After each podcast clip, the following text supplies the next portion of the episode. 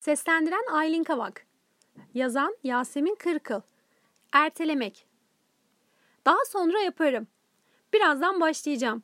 Bugün kendimi iyi hissetmiyorum, yarın hallederim gibi sözler size de tanıdık geliyor mu? Farkında olmadan hayatımızı mı erteliyoruz? Yaşamın uzun olduğunu düşünürken erteleme sebebiyle ulaşacağımız güzel günleri mi kısaltıyoruz? Biz kendimize ne yapıyoruz? Ertelemek neredeyse herkesin hayatında en az bir defa gerçekleştirdiği bir eylem olarak karşımıza çıkmaktadır. Bugün bu işimi halledeceğim diyerek kendimize verdiğimiz sözleri tutamıyoruz ve yarın bir sonraki gün derken bu süreç devam ettikçe ediyor. Bir süre sonra yapmak istediğimiz işe karşı olan inancımızı ve hevesimizi kaybediyoruz. İnanmayı bırakarak kendi kendimizi sabote ediyoruz tek bir cümle kendimizi sabote etmemizi sağlayacak kadar etkili bir hale geliyor. Ertelemek bir alışkanlık olarak hayatımızın merkezine yerleşiyor. Ertelemenin sonu olmadığını bilmemize rağmen erteledikçe erteliyoruz. O işten kaçıyoruz ama bunun sonucunda hayatımızda kaçırıyoruz. Ertelediğimiz şeyleri daha sonra yapınca daha mı güzel olacak ya da daha mı kolay?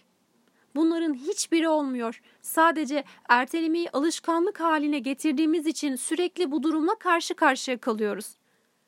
O son an geldiğinde stresin etkisiyle ortaya potansiyelimizin altında işler çıkarabiliyoruz. Tek bir alışkanlık neredeyse hayatımızın tüm noktalarını etkileyebiliyor.